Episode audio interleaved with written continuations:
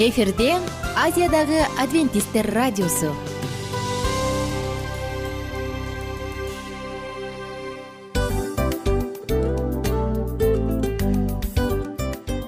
Достор салют. Баардык сүйүктүү угармандарыбызга салам айтабыз. Кутман күнүңүздөр менен.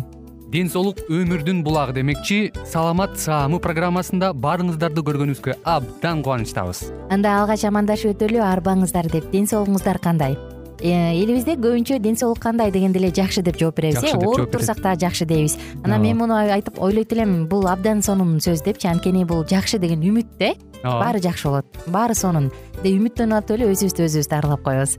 Анысы кандай? Сиздин дагы ден соолугуңуз жакшы беш деген үмүттөбүз чындыгында ден соолук бул өмүрдүн булагы деп бекеринен айтылган эмес деп ойлойм. Кыргыз элинде анткени эгерде ден соолук жок болсо анда адамдын жашоосунда калган баардык керектүү маңыздуу нерселер өзүнүн баалуулугун жоготуп коет. Ошондуктан ден соолук бул эң керектүү нерсе. Ооба туура айтасың кесиптешим. Чынында ден соолугуң жок бир эки үч күн ооруп калсаң эле э кандай болуп калат? Жашоодо көз каранды болуп каласың көп нерсеге жетишпей каласың көп нерсени кыла албай каласың жада калса эшикке дүкөнгө да чыга албай каласың. Туптуура анан ден соолук болсо демек биз биздин бактыбыз тоодой деп койсок болот.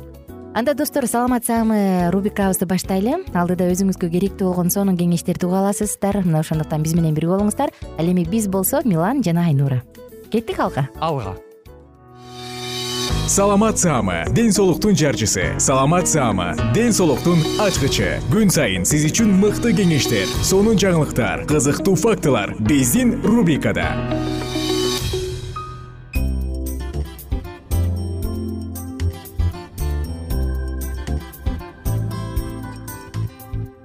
Салам достор. Жалпы биздин сүйүктүү угармандарыбыз менен амандашып кайрадан саатыбызды баштадык. Старт алган рубрика саламат саама жана сиздердин кызматыңыздарда мен кызыңар айнура достор бүгүнкү уктуруубузда жалпыңыздар менен биз жагымдуу дагы да болсо маалымат жана пайдалуу маалыматтарды бөлүшүүгө даярбыз.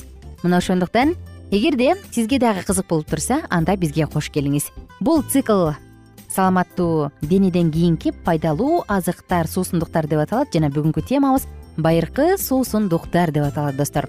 Ооба байыркы суусундуктар көрсө баардык убакта те илгери байыртадан эле ата бабаларыбыз өзүнүн ден соолугу үчүн кам көрүп ар кандай ыкмаларды колдонуп келишкен. Алардын бири биздин күнгө чейинки жеткендеринин бири бул байыркы суусундуктардын рецепттери алдыда кененирээк сөз кылабыз. Анда эң эле биринчи стибень дегенди айталы стибень бул байыркы чыгыш славяндык напиток. Мунун негизинде суу бал ар кандай таттуулар жана албетте дары дармектик дарылык касиети жогору болгон чөптөрдүн бир топ түрү кирген. Сбитня деген бул орус тилинде сбить деген сөз бар эмеспи сбивать деген. Дал ушул сөздүн негизинде алынган деп айтышат. Анткени сбитень деген бул өзүнүн суу мындай аталышта өсүмдүк жок э сбитень деген. Мына ошол себептен муну сбивать же бир бир топ убакыт чейин чалуу деген сөздөн болгондуктан мен бул ойго көбүрөөк кошулам бул бир э, кайсы бир азыкты же болбосо мөмө жемишти көпкө чейин чалуудан улам пайда болгон. Муну сбитенди эки бөлөк басуудагы эки бөлөк идишке жасашат. Мунун биринде бал дайыма тундурулуп турса экинчисинде чөп чарылар тундурулуп турчу экен. Андан кийин алардын баардыгын тең колдонордон мурун аларды аралаштырып анан чалып абдан катуу чалып туруп анан колдонушчу сбитендин пайдалуу касиети кандай? Алар мындай суусундуктар углевод белок а б с е п витаминдерине абдан бай. Ошондой эле кантип жасайт дегенде мында көптөгөн рецепттер бар. Көпчүлүгү мунун негизи катары чөп чаралардын тундурмасын бал жана потоканы колдонушчу. Ошондой эле достор сбитинге эгер аны мятный же даамдуу кылып жасай турган болсо бир аз корица гвоздика бир чымчым мята талаада өскөн перечня мына ушулардын баардыгын тең кошуп ысык сууга жылуу сууга коюп жыйырма мүнөт тундуруп коюшчу. Андан кийин ага үч төрт стакан ысык суу кошуп анан бал кошуп туруп абдан чалып чалып анан жасап коюшкан. Бул сбитень ошондой эле байыртан келген дагы суусундуктардын бири ит мурун суусундугу шиповник деп келет эмеспизби орус тилинде. Мына дал ушул ит мурун ит мурундун суусундугу иммунитетти бекемдеш үчүн сезондук суук тийүү простудалар менен күрөшүүдө абдан пайдалуу. Аны болсо мындай ыкма менен жасаса болот. Кадимки эле термоска ит мурундун жемиштерин салып аны ысык суу менен куюп он он эки саатка чейин коюп койсо болот. Анан эртеси иче бериңиз. Бул иммунитетти бекемдейт. Морс же калан деп коет эмеспи кыргыз тилинде. Бул морстун эң негизгисин мөмө жемиштердин согу түзөт анан албетте канчалык мөмө кошулса ошончолук суу бирге бир кошулушу керек. Мөмө жемиштердин өздөрүнүн даамы ачуураак келгендиктен ага суу же болбосо кандайдыр бир таттуу даам берүүчү табигый балбы стевиябы ушул сыяктуу таттуу кылуучу зат кошуу зарыл. Эми морстун же каландын пайдалуу жактарын айта турган болсок адамдын организмин б е п а витаминдери менен фолий кислотасы жана с витамининен камсыздайт анын курамында калий кальций темир жана фосфор өтө көп. Кантип жасайбыз? Морсту кантип жасаса болот? Баарынан мурун буга клюкваны брусника кызыл же кара карагатты алча жана ежевика деп коет эмеспизби бүлдүркөн дал ушул бүлдүркөндү колдонот. Алардын баардыгын тең майдалап алган соң суу кошуп анан бир нече мүнөт кайнатышат пайда болгон суусундуктун баардыгын тең ситодан өткөрүп алат дагы ага кумшекер же мед кошуп коет бал. Анан аны муздатып же ысык түрүндө иче берсе болот. Кийинки биздин суусундугубуз кисел байыртадан илгертеден эле адамдар ар кандай дан азыктардын негизинде кисел жасашчу. Жана бул киселдердин ичинен эң эле популярдуусу сулуу кисели болчу. Эми киселдердин пайдалуу жактары. Киселдин курамында мөмө жемиштер жашылчалар жемиштердин кандай витаминдери бар болсо ошолордун баардыгы толугу менен сакталып калат. Кара моюл киселин айта турган болсок кара моюл же черничный кисель деп коет орус тилинде ал адамдын көрүүсүн жакшыртат. Ошондой эле киселдин негизи катары алманы дагы көбүрөөк колдонушат алма кисели болсо тамак сиңирүүнү жакшыртат. Клюквадан жасалган кисель бар анын курамында с витамин жана ацетиловый кислота абдан жогору кийинки киселдин түрүн айта турган болсок алма киселин айталы. Алма киселинде беш алты стакан сууга беш алты кайнатылган алманы алабыз. Анын баарын ситодан өткөрөбүз дагы. Татымына жараша бал лимон согун гвоздика кошуп коебуз. Андан соң бир стакан картошканын крахмалын кошобуз. Ал дагы бир стакан сууга чалынып эритилген болушу керек. Андан кийин акырындак менен ушул бышылган суусундукту акырын акырындан куюп дагы беш мүнөт кайнатабыз. Мына алма кисели даяр. Азыркы күндө бул суусундуктар же болбосо кисел жөнүндө айтканда дароо эле заманбап коммерциялык фирмаларга кайрылгым келет киселдин түрлөрү бар э? Коробкаларда катыганы бар суюгу бар тим эле түркүнү бар. Бирок албетте баарынан жакшысы өзүң үй шартында жасап алганың. Достор мен сиздер менен коштошчу учурга келип калдым биз ит мурун жөнүндө сөз кылып атпайбызбы жана дагы ит мурун бул жапайы өсүмдүк розалар тукумуна кирет. Орустар аны көбүнчө жапайы роза деп деп да коюшат. А бизде жөн гана ит мурун. Жалпысынан май жана июнь айларында гүлдөйт. Ит мурундун төрт жүздөй түрү бар. Анан албетте кыргызстанда дагы анын жүздөн жүз элүүдөй түрү өсөт. Маданий сорттору андан дагы көп. Түрдүү маалымат булактардын айтуусу боюнча он миңден элүү миңге чейин түрлөрү бар дейт булардын ичинен эң белгилүүсү бул май ит муруну. Анда достор иммунитетти бекемдөөчү ар кандай азыктарды пайдаланып жылдын кайсы гана мезгили кайсы гана кырдаал болбосун өзүбүздүн ден соолугубузга кам көрөлү. Сиздер менен коштошом кийинки уктуруудан кайрадан амандашканча сак саламатта туруңуздар. Бар болуңуздар достор күнүңүздөр көңүлдүү улансын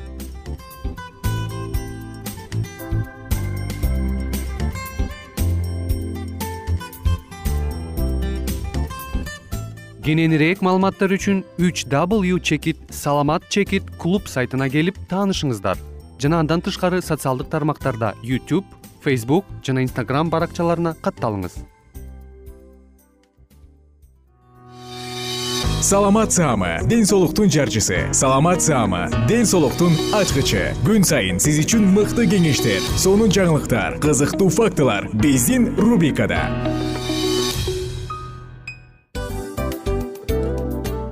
салам достор. Кайрадан биздин сүйүктүү рубрикабызга кош келиңиздер деп айтмакчыбыз. Баардык замандаштарыбызга арбаңыздар деп саламыбызды айтабыз. Улуу ушундай бир э, урматтаган учурашуу менен анан дил маек радио баракчабызга чакырабыз. Негизи дил маек биздин рубрикабызда эмне жөнүндө кеп кылабыз бул дил маектин мааниси эмнеде рубрикабыз менен кичине тааныштырып кетсеңиз. Сөзсүз түрдө тааныштыра кетейин кесиптешим суранычы боюнча бул учурда бул радио баракчада биз ар тарап кесип ээлеринен сонун кеңештерди алабыз сүйлөшөбүз сырдашабыз. Аталарыбыздын эжелерибиздин апаларыбыздын кеңештерин угабыз айтор. Жан дүйнөгө адамдын э, сапатына адамдын деги эле адам болуп жашашына керектүү баардык кеңештер алдыда. Негизи э, дил маек дегенде баягы эки адамдын ортосундагы сырдашуу кенен сүйлөшүү. Негизи эле биз адамдар бири бирибиз менен бир жерге жай жерге отуруп алып өзүнчө тынч э, жашоо жөнүндө өмүрүбүздө эмне болуп атканын бөлүшкөнү жакшы көрөбүз э адамдар. Ооба туура айтасың анан мындай учурга кээде убакыт да жетпей келет э? Же болбосо сырыңды кайгыңды муңуңду кубанычыңды айткың келет а адамга ишенбешиң мүмкүн. Ооба. А бул радио баракча угармандарыбыздын чыныгы досу. Анткени бизден алган кеңеш сиздин жашооңузга чоң жардам берет.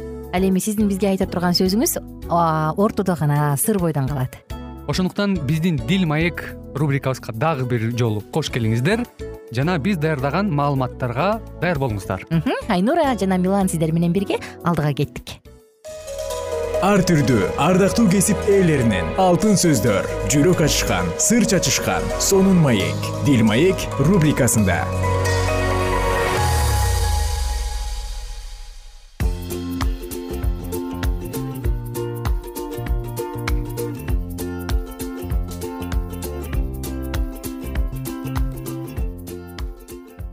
достор кандайсыздар угармандар? Жалпы биздин сүйүктүү угармандарыбыз менен амандашабыз жана дил маек уктуруусунда бүгүнкү темабыз эненин ден соолугу жана анын сырткы көрүнүшү.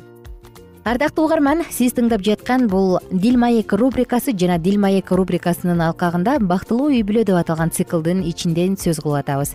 Бул уктурууда үй бүлөнүн пайдубалынын бекемдиги үчүн болгон аракетибизди көрүп эмне кылыш керек эмне ичиш керек эмне жеш керек кандай мамилени бекемдеш керек мына ушул тууралуу сонун маалыматтарды бөлүшүүдөбүз. Жана албетте бүгүнкү темабыз дагы бактылуу үй бүлөнү куруу үчүн бир чоң салымын кошо турган темалардын бири. Мына ошондуктан угармандарыбыздын баардыгын чакырабыз. Ден соолук ийгиликке окшош. Ким ага кыянаттык кылса ага ырайым кылууну токтотуп коет дейт сент эвремонт анысы кандай бүгүнкү темабыз эненин ден соолугу жана анын сырткы көрүнүшү деп аталат эненин ден соолугун камкордук менен сакташ керек. Көп учурларда эр адам жана ата каражат табуу тиричилик кылуу жумуштан эзилгендик жана кыйынчылыктар менен сиңирилгендиктен жубайынын күчүнүн алсызданып кетишине жол берет. Үй бүлө кызыкчылыгында кудайдан ага берилген эненин ден соолугу үчүн кам көрүп жана анын өмүрүн сакташ үчүн баардык милдеттенмелерден ал үчүн тийиштүү чара колдонуу алда канча чоң милдет. Өзүңөрдү өзүңөр кармай билгиле жогорку деңгээлде өзүн өзү кармай билиш үчүн энеге ар кандай денелик жана акыл эстик чөгүүлөргө каршы колдон келген аярлоочу чараларды колдонгону дурус. Анын өмүрү ден соолук мыйзамына келишимдүү түрдө өткөнү жакшы. Тамак аш аң сезимге жана мүнөзгө чоң таасирин тийгизгендиктен энеге тамак аш ичүүдө кунт коюу менен тойгуза турган тамактарды пайдалануу керек. Булар анын нервинин тынчтыгын жана мүнөзүнүн бир калыптуулугун кармайт эч убакта сезим ойготуучу тамактарды колдонуунун кажети жок. Ошондо ага ар кандай ийкемдүүлүктөгү өзүнүн балдарын башкарууда чыдамдуулукту сактоо жеңил болот. Эне өзүнүн нервтенүү жана көңүлү чөгөт болот минуталарында акыл эстүүлүктү сактоодо көп иштеши керек жана аткара алат. Ал ооруп жаткан убактыларында дагы көңүлгө толоорлук болууга жайдар мүнөз жана көп ызы чууну көтөрө билүү эмнени кааласа дагы жеңе билет ага өз балдарын өзүнө сөзү эле кароого чөгүнкү рухунун абалын көргөзбөй аларды ойго чөмүлдүрүп үй бул мазар. Ал эненин бөлмөсү бул ааламдагы эң эле кайгылуу буруч дегендей кылбасын. Акыл эс жана күчтүү сезим бизге талыкпаган эриктин натыйжасында баш ийет.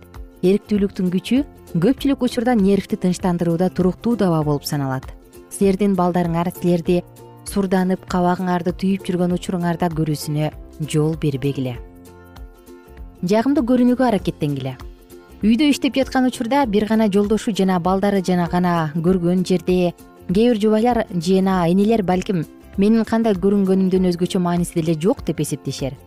А көчөгө чыгыш үчүн ал жарашыгын таап кийген болсо дагы үйдө шалпайып жүрө бериши мүмкүн.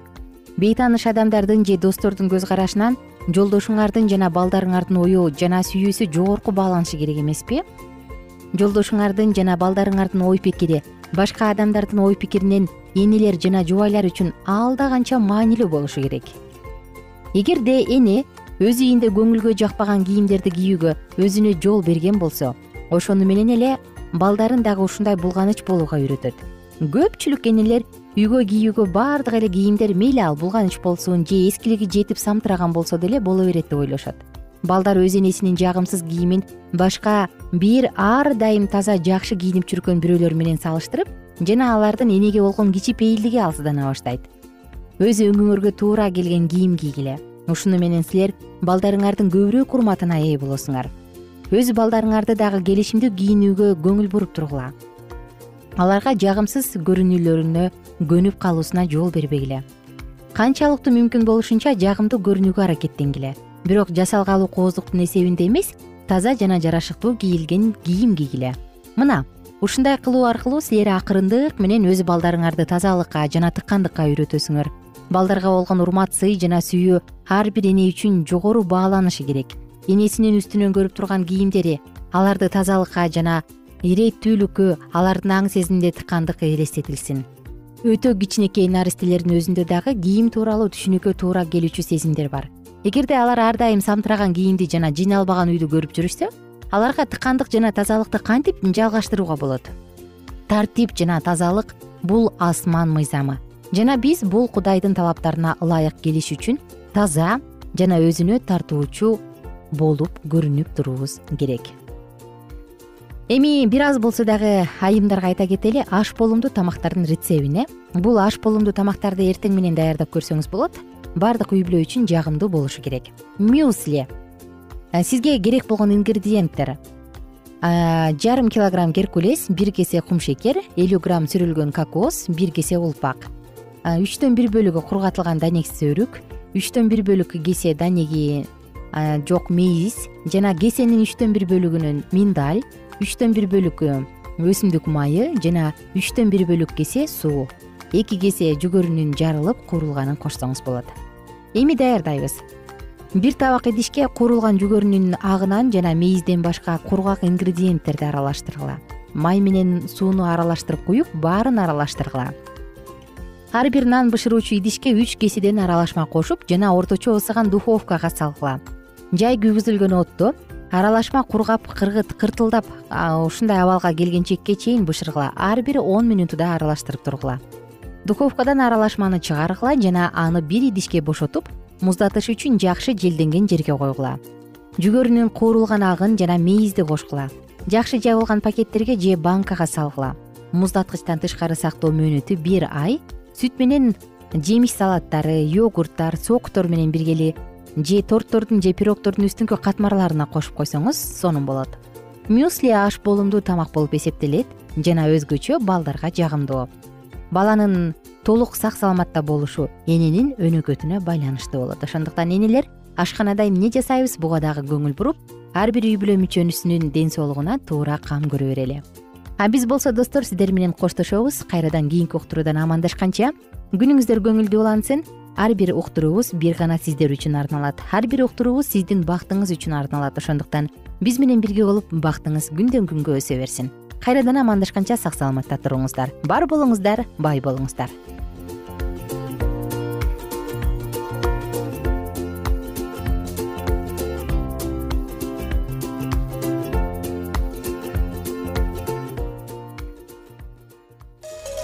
Ар түрдүү ардактуу кесип ээлеринен алтын сөздөр жүрөк ачышкан сыр чачышкан сонун маек дил маек рубрикасында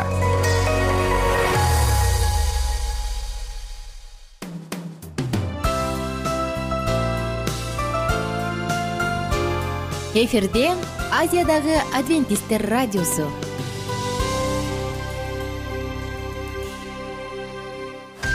Жан дүйнөңдү байыткан жүрөгүңдү азыктанткан жашооңо маңыз тартуулаган жан азык рубрикасы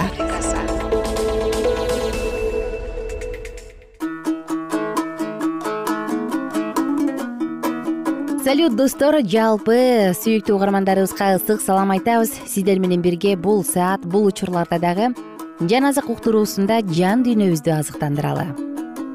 Бүгүн дагы достор лука жазган жакшы кабарды окууну андан ары улантабыз. Эгер сиз инжил китеби менен тааныш болгон болсоңуз дал ушул инжил китебинен лука жазган жакшы кабарды таап алып өзүңүз дагы окусаңыз болот. Эх достор бул жерде ушундай акылман сөздөр пайгамбарчылыктар негизи эле адамдын жан дүйнөсүн азыктандыра турган адамдын жолунда өмүр жолунда шам кылып жагып бере турган сонун жарык берүүчү сөздөр бар. Мына ошондуктан биз менен бирге алдыдагы мүнөттөрдө жакшы сөздөрдү тыңдаңыз жана угуңуз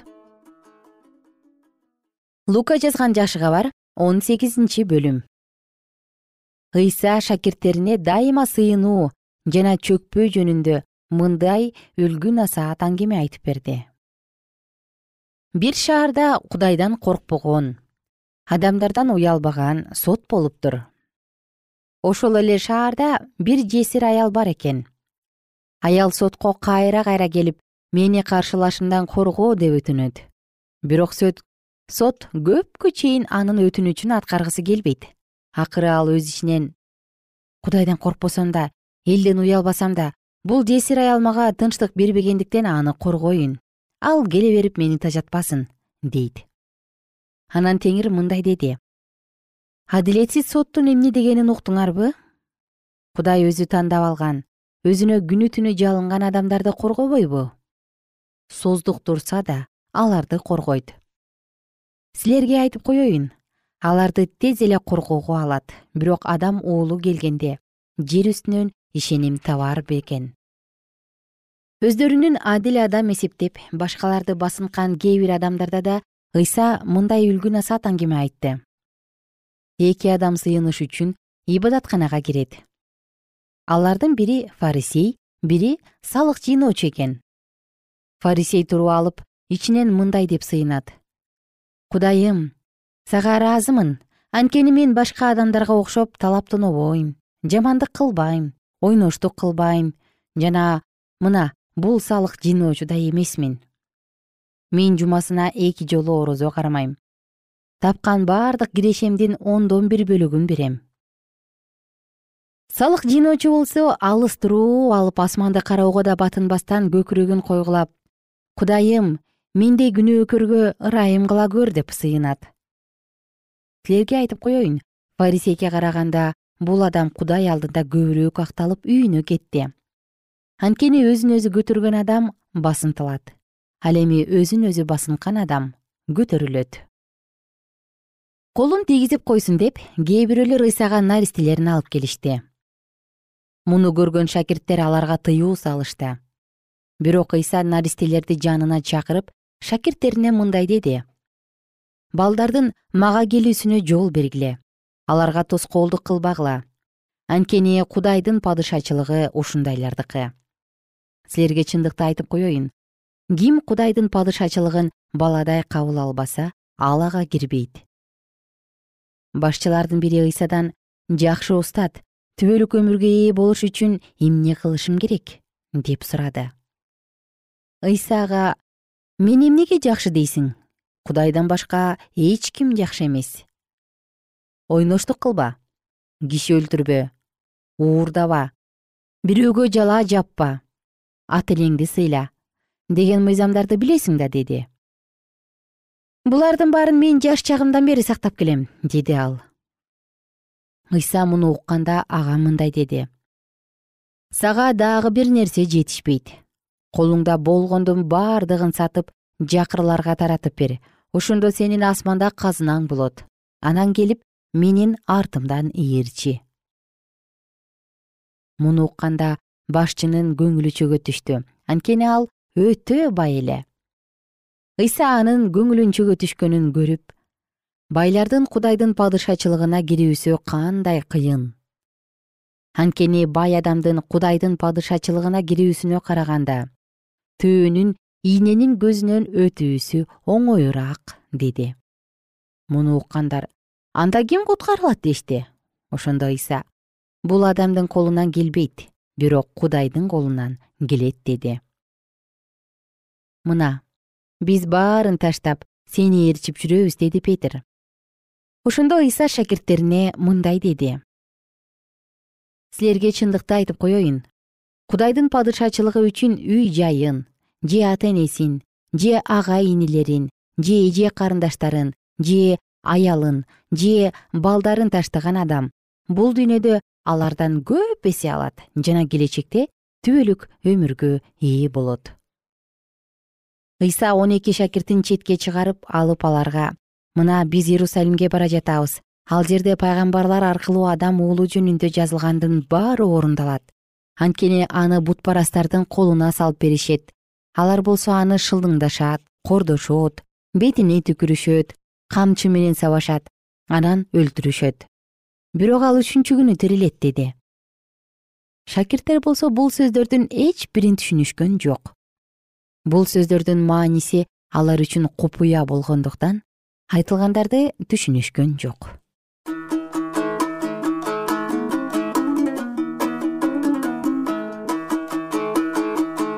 Ардактуу замандаш бүгүн сиздер менен бирге дагы жан азык радио баракчасында лука жазган жакшы кабардын он сегизинчи бөлүмүн толугу менен окуп чыктык караңыздарчы.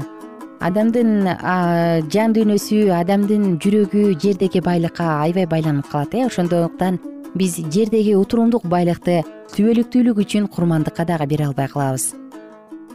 Бирок ошенткен күндө дагы бул адамдын колунан келбейт бирок кудайдын колунан келет дейт ыйса. Мына ошондуктан түбөлүктүүлүк үчүн болочок үчүн кам көрсөк анда албетте бул жашоодо жашап өткөнүбүз бекер болбос замандаштар сиздер менен коштошом. Кийинки уктуруудан кайрадан амандашабыз. Күнүңүздөр көңүлдүү улансын жалпыңыздар бар болуңуздар.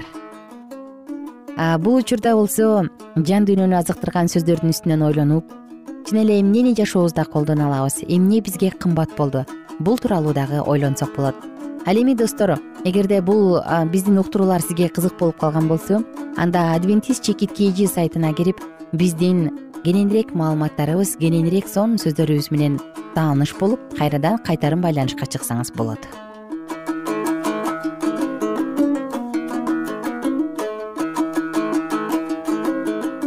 Эгер сиздерде суроолор болсо же көбүрөөк маалымат билем десеңиз анда биздин whatsapp номерибизге жазыңыз.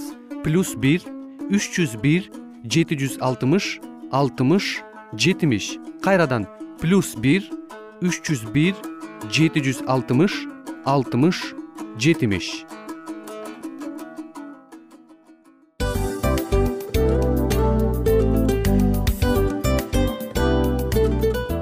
Мына ушинтип убакыт дагы тез өтүп кетет экен. Биз дагы радио уктуруубуздун аягына келип жеттик. Келип кубандырдыңар эми кетип кубандыргыла деп тамашалап калышат эмеспи анысы кандай? Радио баракчабызды программабызды азыр эле баштап аткандай болдук элек. Мына соңуна келдик э? Негизи убакыт э, билинбей өтүп кетет экен? Мен дагы убакыт дегенде бүгүн бир адам менен сүйлөшүп калдым. Анан убакыт бул мүмкүнчүлүк деп айтып өзүмө өзүм айтып алып анан мага өзүмө эле кайра ачылыш болду да чын эле. Э, карап отурсаң ошол эле жыйырма төрт саат ошол эле жарым саат кайталанып атат бирок сендеги мүмкүнчүлүк жок ошол кой берилип кетти? Анысы кандай? Бүгүнкү сонун убактыңызды алтындай болгон жарым саатыңызды бизге бөлүп арнаганыңыз үчүн ыраазычылык айтабыз анан жашооңуздун кайсы бир сферасын өзгөртө турган сонун пайдалуу кеңеш алган болсоңуз анда биз максатыбызга жеттик. Анан ушул нерсени кылбасам десеңиз ошол өзгөрүүлөрдү кичинекей кадамдардан баштап иш жүзүнө ашырыңыз дагы жашооңузда чоң чоң ийгиликтерге жетиңиздер. Чын жүрөктөн ар бир берилген кеңештер сөздөр сиздерге пайдасын алып келет деп ишенебиз. Жана кийинки уктурууларда сөзсүз түрдө чыдамсыздык менен сиздерди күтөбүз сагынычтуу салам айтып кайрадан дал ушул жыштыктан баардыгыңыздарды тосуп алганча кызматта мен айнура жана кесиптешим милан. Анда кол пул каалайбыз жалпыңыздарга ийгиликтүү күн. Саламатта калыңыздар